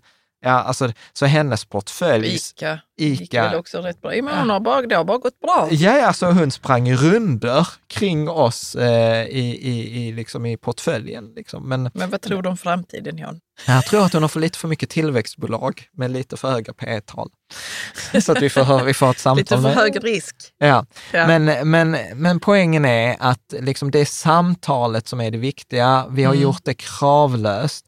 Charlie sa också när vi skrev boken, ett sånt här tips, när du pratar med barn om ekonomi, prata lika länge som de är år gamla. Och jag bara, i timmar? Hallå, nej, i minuter. Så att liksom pratar du med en femåring om pengar och ekonomi, alltså du vet, du Jag tror inte ens fem minuter. Det är för långt. Ja. Så Nej. att det, det är minuter, så att jag, jag har fortfarande inte kört någon powerpoint. Alltså med Elsa är det sekunder. Hon är tre år gammal. ja, ja. Jag har gått vidare när jag står där och maler på. Hon Ja. kommer bli den där malande föräldern som, Ja. som predikar för sina barn. har fattat att vi, har barnet, det, vi vet redan mamma. ja, barnet redan sprungit iväg. Ja. Så att poängen här gör, gör, göra det kravlöst. Och, och detta funkar från, vi började vid sju års ålder och sen går det uppåt. Eh, tips eh, där, jag kommer ta det i slutet sen också, men jag rekommenderar jättemycket unga aktiesparare. Mm. Inte Varför, varför gör du det då? För att, eh, alltså Freja har ju varit med typ sedan hon föddes. Eh, för jag gillar aktiespararna, jag tycker de gör ett viktigt arbete. Sen håller jag inte alls med om deras investeringsstrategi, men ofta är de som är med i aktiespararna är intresserade av ekonomi och du vet, de har ju sådana typ fikor, eh, de har sådana När de är lite äldre tonåringar har de ja, väl det? Ja, ja, Mm. precis. Och Mm. du kan vara med där fram tills du är typ 28. Ja. Och jag tror alla sådana, Niklas Andersson, Günther Mårder, alla sådana har ju kommit eh, via, Ja, via de här. Många. Ja, så att många ekonomiprofiler har ju gått via den här unga aktiesparare. Så jag, jag tycker de gör ett jätteviktigt eh, jobb. Nu finns det en organisation som heter Ung Privatekonomi. Eh, de åker med runt i skolor, så ungdomar lär ungdomar om pengar. Superbra. Ja, ja. Eh, Nu kan man ju inte längre fråga varför lär de inte sig sånt här i skolan? Nej. Jo, de lär sig det nu. Ja, Lite. Eh, och där vet jag att Elin Agurelius som hjälpte Mm. oss ett tag Mm. har varit engagerad. Och sen finns det också Ung Företagsamhet som numera är liksom ett ämne på vissa gymnasieskolor som också är så här fantastiskt initiativ. Men är det så här du lyssnar eh, och så här, tipsa dina barn, är de liksom 13 och uppåt, gå med i Unga Aktiesparare. Ja, så får man ta det, de tipsen som funkar. Ja. Det eller de. Ja. Nej, den, det tipset eller de. Ja. Alltså det kan också bli så att man blir lite överväldigad. Ja, ja, ja, Mm. precis. Och återigen, som alltid när vi pratar i våra avsnitt, man behöver inte göra allt. Alltså gör Nej. en grej, gör en enda grej. That's good Mm. enough. Sen kan man ju komma tillbaka.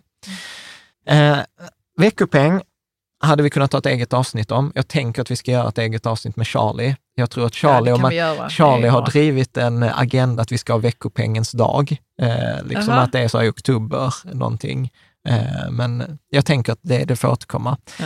Men det som vi konstaterade när vi skrev boken och tittade på forskning och annan litteratur, så finns där liksom olika typer av veckopengar som matchar liksom verkligheten. Och då finns det liksom den så här prestationsbundna veckopengen, Mm. alltså det som egentligen matchar lön. eh, där man säger, okej, okay, om du gör de här grejerna så får du veckopeng. Så vi hade det ett tag eh, med Freja, ända tills Freja kom och så sa så här, du får ingen veckopeng om du inte tömmer diskmaskinen. Så tittar hon på mig och så säger hon så här, pappa, det är okej, okay. jag behöver ingen veckopeng. Och jag stod ja, det var hennes val, ja, så fick vi själva göra det. Mm. Så att, att bara ha en veckopeng som är prestationsbunden är, är dåligt, skulle jag säga. Och sen skulle jag säga att vissa av sådana här prestationsbundna, alltså man tömmer diskmaskiner och plockar undan efter sig, ja, ska ju det, inte vara kopplat till en veckopeng, nej, utan det in, ingår i att vi, sköt, vi hjälps vi åt. Hjälps åt i denna familjen, ja. Mm. Så, att, så att jag tycker absolut att en del ska vara prestationsbunden, men då ska det vara bonus. Alltså typ, du kan städa och då får du detta, till ja, exempel. Precis. Mm. Så prestation, man kan ha en del av veckopengen eller månadspeng som är prestationsbunden.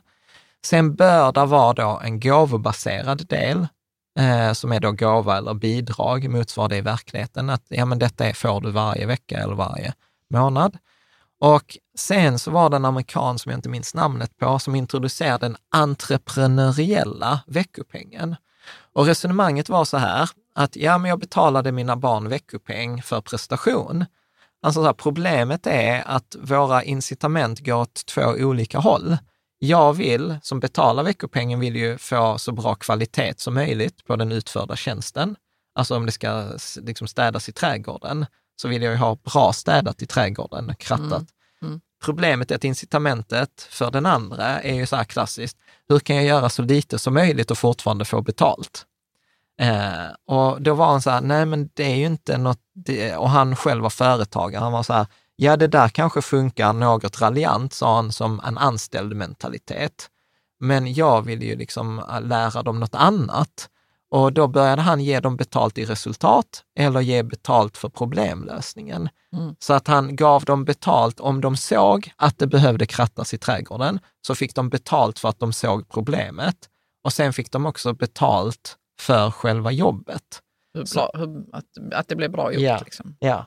Och sen var det vissa grejer som de fick liksom också mer prestationsbaserad lön eller ersättning. Mm. Så att jag var så här, gud, det är ett annorlunda sätt ja, att tänka kring veckopeng. Så att vi har ju försökt göra det lite med Fred. Detta har vi inte lyckats med alls, upplever jag. Men jag brukar ju säga till Fred ibland att ser du ett problem som vi inte har sett? Eller jag tror man måste hjälpa till rätt mycket som förälder, i alla fall när de är lite yngre. Ja. Att visa, här är ett sånt problem och här är ja. ett annat. Och om du själv ser att det ligger sopor, då kan du ju liksom säga så. Det ligger sopor här och jag, jag löser, ta ut, jag ja. löser problemet. Ja. Var det han eh, som skrev Opposite of Spoiled kanske? Uh, jag tror, ja, fast jag tror att han hänvisade till någon. Ah, ja, okay. Så det var inte ja, det han finns som... många bra ja amerikaner som ja, skriver. Så jag gillade det. Sen, sen finns det så här, ge pengar vid behov mm. och all forskning och allt sånt är emot det. För att eh, barnet lär sig inte förvalta pengar, snarare blir det duktigt på att gå och be om pengar mm. eller liksom mm. det, det skapar massa dåligheter. Och jag ska vara först och erkänna att jag ibland ger pengar vid behov. Mm. Så att, eh, så att, jag gillar det med att, eh, att uppfostra barnen så att de själva ser att här är något som behöver göras. Vi, ja. Du och jag har ju inte pratat så mycket alls om detta. Nej. Nej. Så det Nej, kan men, vi fokusera på. Ja, och sen upplever jag att just nu har det varit senaste typ ett år, två år, Fred har inte varit intresserad. Du vet, så här, frågan så här, ah, vad vill du ha i födelsedagspresent? Nej, jag vet inte. Nej. Eller liksom, det har inte varit... Nej, men vi, du och jag får nog prata ihop oss för att vi ger ju pengar vid behov. Jag köper ja. kläder när det behövs och köper ja. skor när det behövs. Ja, så, vi, så vi, är lite kassa här just nu. lite kassa, ja. Ja. Eh, men det är så här, jag har ändå introducerat den här appen Gimme. Så här blir liksom lite så här gratisreklam. Vi har inget samarbete. Jag hade gärna haft ett samarbete med Gimme, men det har bara det inte blivit av. Det är en app, en veckopengsapp, där syftet är uttalat att hjälpa barn att få, liksom som de själva skriver, finansiella superskills. Mm. Jag tycker appen är ganska bra. Man kan lägga upp uppgifter, man kan sätta över veckopeng. Sen är det en massa grejer som är ganska kassa. De har ett kort man kan koppla till appen. Vi har köpt det kortet, det kostar typ 50 spänn i månaden, vilket jag tycker är asdyrt för att ha ett ja. kort. Men ja. å andra sidan så är det så här, ja, jag vill ju betala 600 spänn om året för att Freja ska ha ett eget kort och lära sig. Men jag tänker så här, innan hade vi Revoluts juniorkort eller Luna, tror jag också kommer att släppa en sån, så jag är inte jätteförtjust i det där. Men, men jag, jag, jag ville ge det något år till, att jag tänker att det är Freja som har varit tio, kanske fortfarande lite för liten eh, med Ja. det, eller att incitamenten inte finns där. Mm. För att än så länge upplever jag inte att hon har varit så intresserad av till exempel kläder. Utan Nej, det, det har hon inte. Nej, utan Nej. det har varit så här, okej, vi var så här, shit, hon behöver vinterskor. Det är inte som att hon, ah, jag kan gå mina sneakers. Ja, ja liksom. visst. Som är för små och kalla. Ja, men med. Gimme, eh, jag tycker då, liksom så här, de får lite gratis puff här. Mm. Bra. Sen när det gäller fördelning, vi är fortfarande inne på tips fem här, lite olika så här, spara med barn. Här har vi också slarvat, vi var ganska duktiga på detta förut, men Mm. att vi har gett ofta en större veckopeng eller mer veckopeng än vad, vad som är brukligt i respektive ålder. Men så har vi också sagt att en del av veckopengen är konsumtion idag. Liksom att du får handla precis vad du vill. Vill du handla plastskit, handla plastskit. Jag biter mig själv i tungan. Och du, du liksom så här, total självbestämmande rätt Mm. i den lilla biten. Sen har vi sagt att en del ska gå till sparande. Och, och sparande här i betydelsen uppskjuten konsumtion. Alltså inga placeringar, utan spara för att du behöver mer pengar för att kunna köpa någonting i framtiden. Eh, och det är inte vi som har kommit på detta, detta är också från den opposite of spoiled, tror jag. Mm. En del till investering, alltså som liksom aktier då. Eh, eh, nu har vi börjat prata med, fond, om- med fonder med henne när hon är 10. Eh, och sen ska en del gå till välgörenhet. Och då är det också så här att du får, här är liksom ett par hundra kronor på årsbasis eller liksom 50 lapp. Och de här ska skänkas bort. Och där vet jag att vi har pratat allt om att sponsra en utter på Skånes djurpark, till att vi har gett pengar till Världsnaturfonden, till att hon har gett pengar till någon som satt utanför ICA, Mm. eh, liksom etc. Men så att det är liksom så här genuint ska ges bort. Eh, jag gillar detta, vi har slarvat eh, lite, men jag vill gärna ta upp detta igen. kan göra så här, Jan. Du, eh, du ger över hela det här ansvaret på mig. Ja, Men vi måste säga att ansvaret ligger på mig. Så Ja, men- kan jag göra det. Jag är ju familjeöverordnad här. ja, ja, ja absolut. Ja, men Så absolut. kan jag fixa det. För att Så- ni, hittills har det varit så otydligt mellan oss. Ja. Hur ska vi göra och vem ska se till att det blir gjort? Du vet så. Ja, men jag- Ibland måste man ha ansvarsområden. Ja, men jag tänker att det blir som, eh, som Fredde sa till Mickan i Solsidan. Så här, Mickan, du är CFO i vår familj. Chief Family Officer. jag tyckte det var så här skitbriljant. Du vet så här, för det var Chief Financial Officer, liksom Ja. finanschef. Så, här, Ja. Nej, men du är Chief behöver Family man ha Officer. det titel Ja. också. Ja, Mm. jättegärna. Bra. Och sen någonting därmed som jag tycker vi har varit duktiga på, är ju att när Freja vill ha någonting eget, så har vi alltid sagt så här, en tredjedel får du som bidrag, gåva av oss. En tredjedel får du jobba ihop själv, eller ta från ditt sparande. Och sen en tredjedel kommer som avkastning, alltså utdelning från dina aktier. Sen har jag ju naturligtvis bara hittat på att det är utdelning från aktierna. Alltså jag har ju skjutit till den delen och vi har fört över den från hennes Avanza.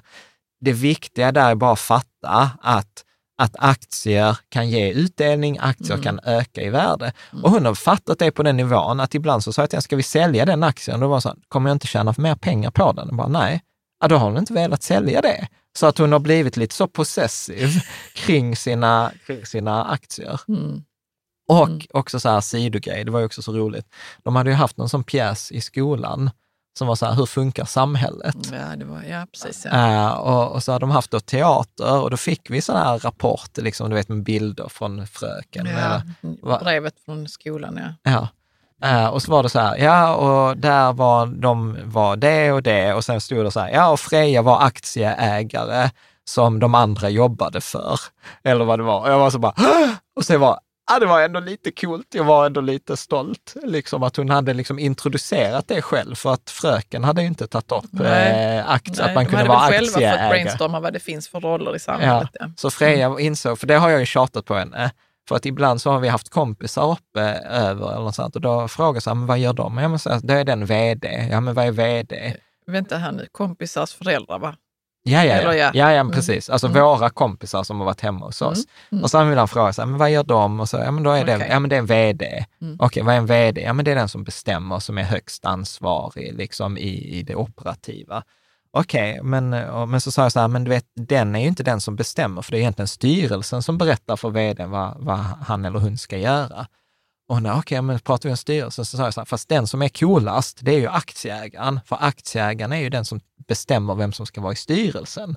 Så ganska snabbt har ju Freja fattat att aktieägare, det är så overrules allt. Ja, men du har ju sagt att den coolaste är ju aktieägaren. Det är inte som att, ja men då vill jag inte vara den coolaste. Nej, ja, precis. Så jag tror att Freja kommer nog aldrig komma och säga jag vill vara vd, utan hon är så här, jag äger, äger det. Bra. Sen hade man ju kunnat också göra en del, men det har vi gjort ganska lite, förutom med Elsa som har kommit så här, att man kan sälja grejer. Mm. Ja, hon vill sälja sin, de gosedjuren hon har fått. Ja, av Freja. Jag vet inte om hon vet vad sälja innebär. Nej, jag vet inte heller om hon vet det. Men hon vi har inte pratat om det. Jag har sagt att jag skulle kunna sälja ormarna hon inte tycker om. Ja. ja, vi kan sälja. Och så vill hon sälja allting. Ja. Men hon förstår inte vad det innebär Nej. att sälja någonting. Jag tror, hon tror att hon kommer ha det kvar. men, men i alla fall, vi har ju varit på barnloppis när Freja var liten. Ja. Uh, och jag, jag minns så roligt vid ett tillfälle att hon skulle köpa en häst. Och för hon insåg så här, barnloppis är jättekul för allt är, att, ja. att allt är billigt. Och då, är det, så ska hon då liksom så här, och då har jag varit så här, men gör det själv tillsammans med det andra barnet. Och så lyssnar jag så undrar, Freja frågar då, ja men vad kostar hästen? Och så säger den andra lilla tjejen så här, ja men den kostar fem kronor. Och så säger Freja så här, men då vill jag betala sex. Jag vill bara betala sex kronor. Och det andra barnet, Uh, ja, liksom clueless. Båda var clueless. Vi ska inte skratta åt dem, Nej, men det är jätteroligt. Det, var, det, var det, är klart att man kan... Ja. Det är kul att barn ja. vill stå och sälja sina gamla leksaker ja, och tjäna var, pengar. Ja, men det var superbra. Liksom, så att det kan man göra. Tips sex, eh, det har vi varit inne på, det är så här, säg inte nej, säg vad intressant. Och liksom ett problem som liksom uppstår sen när man blir äldre är att mycket, ekonomi handlar ju mycket om så här, nej, inte, ta inte sms-lån, antingen eller. Så att liksom försök att inte liksom sätta upp de här begränsningarna för mycket, utan försök liksom vrida om, alltså köra en curveball. Jo, men det är det att man kommer från brist. Ja. Att man har inte råd med allting. Man kan inte göra allting samtidigt. Ja. Man kan inte ha både den och den kakan. Ja. Utan och vi vill ju komma är inte från, precis, och vi vill ju komma från, vi, från att det, att det inte är brist, utan att det finns ett sätt att komma åt. Ja, både att och. få både och. Ja. Men att det inte är lätt, utan man behöver anse. Så tricket här är inte om barnet vill ha båda godisarna, att köpa båda godisarna, Nej. då har man ju liksom tabbat sig. Mm. Utan att, att liksom börja prata om det. Och oftast är så här frågan så här, Gud vad intressant, säg någonting mer. Eller vad spännande. Eller om barnet kommer till exempel så här, hur pappa, är vi rika? Istället för att börja svara ja eller nej och börja lägga värderingar, så här, vilken spännande fråga, varför undrar du det? Mm. För att många gånger med barn, och detta är från barnpsykolog, många gånger så kommer inte barnet, liksom ställer inte en fråga för att de vet om man är rik eller inte, utan då har det handlat om någon jämförelse, om de har pratat om någon bil. Ja, eller frågan något. är en annorlunda. En det, annan. det är något annat de ofta vill ha svar på. Mm. Och jag tror att vi kan nysta fram det där ofta genom att vara lite nyfikna mm. och liksom ducka den första frågan. Sen är det klurigt, alltså vi har en tråd på forumet som heter så här, ska man berätta för barnen att man är rik? Eller inte? Och, eller, och jag har ju också gjort den där tabben med, med Freja vid något tillfälle, då jag sa så här, ja Freja, vi har det gott ställt, vi har ganska mycket pengar, och så frågar hon hur mycket har vi? Eh, eller hur mycket, så sa jag så här, ja vi har, vi har en del, och så frågade jag hur mycket har jag? Och, och, då sa jag till henne så här, ja men du har typ 71 000 på ditt ISK-konto, för det var ganska nyligen och jag såg ingen anledning att liksom ljuga kring det. Men Pucko och jag säger, du behöver ju inte säga detta till andra. Men det, men det kom från... Ja, men det kom från, från en att... skam att inte sticka ut och inte att måna om henne. Men jag var så här efteråt, så var jag så här, shit, vad, vad sänder det för signaler? Att, att liksom det ska vara skam. Du har 71 000, men du får mm. inte berätta det för någon. Mm. Och vad ska hon göra? Men alltså du vet, nej. Så att jag, återigen, jag är inte klar. Jag inte, sitter inte på facit här, utan det är lite learning by doing. Liksom. Ja. Jag tror man måste prata med sina barn om det där. Man kan mycket ja. väl säga att vi har det gott ställt eller ja. vi har det inte så gott ställt, men vi vill ha det och vi jobbar på detta viset eller vi gjorde så här. Det finns säkert andra sätt du kommer på för att skaffa dig tillgångar och det kan vi prata om. Jag tycker ja. bara man måste ha tid att prata. Ja, men tid att prata, ja, exakt. Och fundera över vart, vart vill man att ens barn ska liksom kunna ta sig i livet. Jag vill ju inte att mina barn ska ha massa pengar utan att själv veta hur man Ja. skaffar sig pengar. Exakt, vi Alltså hade, all, det är hellre att de inte får någonting ja, än att och lär sig skaffa och lär sig skaffa pengar själv på massa olika sätt, inte Ja. bara genom lön då. Ja, nej, exakt. Nej, och, och grejen var ju så här, vi intervjuade ju någon lärare och så han var så här, ja, jag har folk i, i min gymnasieklass som vet att de kommer få fonder, men de vet inte vad en fond är. Alltså, så, att, Nej. så att det är ju katastrof. Liksom. Ja. Så att, eh, ja. Nej, och sen också, jag vet inte om detta är sant, men detta är en historia. Jag hörde också att barn är ju sjukt kreativa. Att det var en pappa som också fått frågan från sin son som var typ ja, men 15, 16 eller ish, så här, frågade, pappa, hur mycket tjänar du eller hur mycket pengar har vi? Och så hade pappan duckat frågan.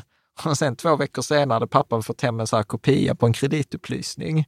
Så hade liksom sonen tagit en kreditupplysning. hur gör man det? Hur tar man en kreditupplysning på någon? Ja, jag vet inte. Eh, jag, man kan göra det. Ja, eller man kan gå in på Ratsit och sådana, men då skickar de inte ut kopior. Så jag vet inte riktigt hur det gick till eller om det bara var liksom påhittat. Men Mm. ja, äh, det är klart att barn vet att det finns Ratsit. Eller liksom sådana här vid något tillfälle att de upptäcker man kan googla sina föräldrar. Mm. Liksom. Mm. Bra. Tips sju eh, är så här, ge ansvar och befogenhet till barnen. Och detta var också när jag intervjuade Claes Hemberg. Så Som sa, var på Avanza innan han va? var på Avanza Mm. Sparken, han med Mm. hängslen. Liksom, så. Eh, och en av hans eh, sådana favoritgrejer var att han brukade säga så här, eh, okej, här är 20 kronor till mjölken som ni ska till affären och köpa, men här får ni en 50-lapp och köp något som du upplever att vi behöver. Mm. Ja, det är jättekul att veta. Vad kommer de tillbaks med? Exakt! Och han sa, det så här, man kan ha så fantastiskt mycket samtal. Varför köpte de det och hur tänkte de då? Och vad jämförde ni med? Och, och liksom, så att det blev liksom något att ha ett Vi samtal får göra kring. det. Vi får göra det så småningom när Ja, Freja ska gud, gå till ja. affären. Ja, ja, ja Mm. absolut. Och låt liksom också, det pratar ju Susanna Frejas då, förskolepedagog kring, att tänka kring barn att man ger dem liksom en cirkel av ansvar och den här cirkeln av ansvar ökar och minskar. Alltså en treåring kan bestämma... Med uppgiften. En treåring, precis, en treåring kan bestämma vilka strumpor de kan ha på sig, men de bestämmer inte huruvida de går till förskolan eller inte. Eh, och sen kan man liksom öka och minska denna efterhand. Och jag gillade liksom den metaforen. Och sen han entreprenören, han pratade ju också om så här, att Vilken entreprenör? eh, entreprenöriella veckopengen. Ja, ja, okej. Mm. Och då var han också, om barnen upptäcker att det behöver städas i trädgården eller behöver krattas, ja men ge dem då dessutom ansvaret för att det blir krattat, men underordna dig det, dem i arbetsledningen. Mm. Så att då kan jag säga, okej, nu ska vi, okej, du har upptäckt detta, nu ska vi lösa problemet, jag står till ditt förfogande, du får berätta vad jag ska göra. Är du med? Så att barnen kan känna att de får bestämma, att de inte bara får ansvar och ingen befogenhet, eller ansvar blir för dem Nej. lika med att de måste göra det. Medan vi som har liksom varit i företaget ett par år fattar att bara för att du har ansvar för något betyder inte att du måste göra det. Nej. Men det är nog också väldigt kittlande för barn att äntligen Ja. få bestämma över en förälder. Ja, eller hur? Ja, Så att, ja, lära sig coolt. ledarskap. Mm. Eh, bra. Här inser jag att jag har numrerat fel, men jag tror att detta är det sista vi ska prata om. Tips sju. Ja, eller det blir åtta blir det. Mm. Eh, spara rättvist till barnen. Till Eh, alla barnen. till alla barnen. Mm. Eh, och detta kommer från en egen eh, beräkning. Jag är född 81, eh, min bror är född 85 och mina föräldrar skulle sparat 1000 kronor i månaden till oss båda från att vi föddes till 18-årsdagen. Då hade jag, eftersom jag var född 81 och 18 år, då slutade 99, höjden av vitebubblan, jag hade fått ut 2,8 miljoner. Min bror som är född 85, 18 år från 85 och framåt och slutade på 2003. Det är precis när liksom IT-bubblan liksom hade spräckt så vi var på väg uppåt. Han hade fått ut eh, eh, 800 000. Mm. Och det har varit en diff på nästan 2 miljoner mellan barnen och då har ju liksom insatsen från föräldrarna varit samma. Eh, och, och då är det inte som att, ja men då lägger vi två miljoner mellan. liksom. Så att eh, därför påstår jag att liksom, det är viktigt att börja tänka på liksom, sparandet. Eh, och eh, lösningen är att man sparar till barnen i en pott. Mm. Eh, och här har jag liksom så här, alltså inget avsnitt är ju komplett utan grafer och Excel. Så att här har jag då plockat fram eh, alla 18-årsperioder mellan 1870 och 2021. Så att om man är född 1870 så kan man kolla hur mycket man hade fått om ens föräldrar hade sparat i 18 år och så går det ända fram till 2003. Och som du märker så eh, liksom det varierar jättemycket. Jag tror att rekordet att spara en tusenlapp i månaden är typ om man var född någon gång 1970, då fick man över tre miljoner. Och annars ligger det i snitt runt en halv miljon. Liksom. Det var det glada 80-talet som... Ja, eh, ja, ja men verkligen. Eh, och sen har jag liksom räknat om det i procentuell avkastning också per år, så det kan man kolla på på nätet om man tycker det är kul. Men om man tar då lite nördig statistik, som man sparar då i 18 år, eh, och då har jag räknat på 1000 kronor i månaden, eh, då är medelavkastningen då som en 18-åring får ut är 770 000. Medianen är 570 000 och då av de här 570 000, då har man ju satt in ungefär 220. Så det är 300 000 som pengarna har tjänat in, du har satt in 220 000. Mm. och 93 procent av alla 18-årsperioder mellan 1870 och 2021 har gått plus. Så det är över 90 procents sannolikhet att man kommer gå plus. Medianavkastningen är ungefär 9 och medelavkastningen ungefär 9 procent. Så om man sparat på den svenska börsen, Stockholmsbörsen 6RX, i 18 år så får man genomsnitt 9 procents avkastning. Och sen har jag då gjort också en tabell, vad, hur mycket om man sparar 100 kronor i månaden, 500 kronor i månaden, 1000 kronor, 1250 etc. Jag ska inte gå igenom den tabellen, men det är en intressant grej. Och det är att om, vi tar till exempel 1000 kronor i månaden, om man sparar i 18 år så blir det ungefär en halv miljon, liksom ungefär 500 000. Men om man låter pengarna löpa, att man ger pengarna till barn när de fyller 25 istället för 18, då har pengarna nästan dubblats. Mm. Så att det är ju det här med ränta på ränta, att den är ju som starkast i slutet. Så att liksom det tar 18 år att komma upp till en halv miljon, men sen tar det bara sju år att gå från en halv miljon till en miljon. Så att det där är en sån där grej värd Som man kan berätta för barnet när det är Ja. 18. Ja, att använder du inte de här pengarna så kan du få dubbelt så mycket om sju år, Mm. eh, vilket är ganska coolt. Så att eh, liksom det, poängen här är att sparar du till barnen, spara till dem i en klump så att du inte tar den här risken som på forskningsspråk heter sequence of risk, att olika års, vilken ordning avkastningen kommer i spelar väldigt stor roll, för det är svårt att kompensera. Och då kan man liksom spara till en pott och sen säger man till exempel när första barnet fyller 18, då tar man ut hälften av pengarna. Sen eh, när andra barnet fyller 18, då får det ut samma del som det första barnet fick ut och sen delar man på resten. Är med? Så det är ett enkelt, det blir en matteövning, Ja, liksom att men göra det inget rättvist. komplicerat. Nej. Nej, Är det förståeligt Mm. varför? absolut. För det är ett vanligt misstag som jag ser att många, många gör, att man har ett konto för det ena barnet och ett annat konto för det andra ja, vi barnet. har väl gjort samma. Vi hade absolut detsamma. Mm. Snyggt. Sista, det har vi pratat om, det var egentligen tips nio här då, tre bra organisationer. Unga aktiesparare, ung privatekonomi, ung företagsamhet. Och sen brukar jag ibland få tips eh, på vilka, eller så här, vad ska man läsa för bok? Och då skulle jag säga, är man i, har man ett barn i 12-13-årsåldern eller äldre så rekommenderar jag Rikaste mannen i Babylon och boken Rich Dad Poor Dad, som är två bra böcker som handlar om ekonomi, men de är inte liksom fondspecifika. Nej, de är historier kan man nästan säga. De är historier. Mm.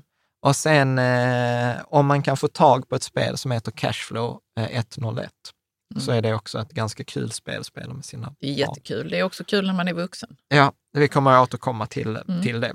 Mm. Eh, det är från Robert Kiyosaki. Eh, det var jättebra. Snyggt, då tänker jag att vi ska runda av eh, och säga så här, diskussionen fortsätter i forumet. Att både vad har vi missat, vad var bra, vad är dina erfarenheter, vad är dina anekdoter? och liksom, låt oss göra detta, så när vi gör nyinspelning om två år när jag skäms för detta, så blir det ännu bättre. Snyggt! Ja. Men jag tänker att vi rundar av där vi ändå pratat en och en halv timme. Så ett stort tack till dig som eh, hänger med oss. Och jag hoppas att vi ses i, i forumet eller i kommentarerna.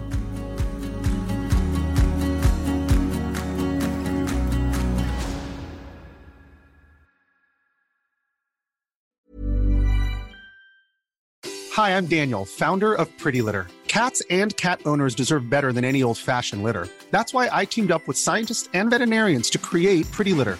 Its innovative crystal formula has superior odor control and weighs up to 80% less than clay litter. Pretty Litter even monitors health by changing colors to help detect early signs of potential illness. It's the world's smartest kitty litter.